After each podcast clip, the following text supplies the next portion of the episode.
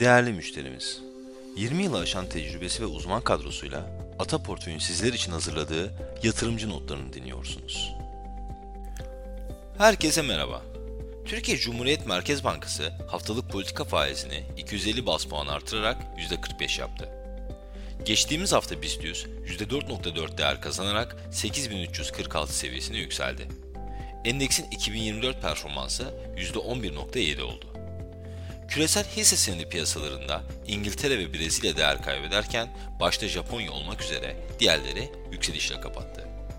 Piyasalarda risk iştahı artınca emtia piyasaları da yükseliş trendine geçti.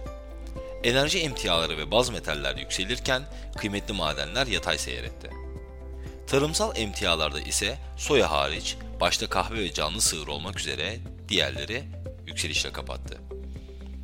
Ataportfö yatırım fonları arasında ise haftalık bazda en yüksek getiriyi %4.9 ile Ataportföy kar payı ödeyen hisse senedi fonu sağladı.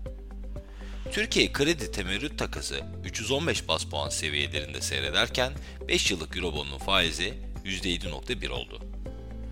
Emeklilik fonları tarafından geçen hafta en fazla BİM AŞ, Türksel, Migros alınıp Akbank, Yapı Kredi, Garanti satıldı. Herkese sağlıklı ve bol kazançlı bir hafta dileriz.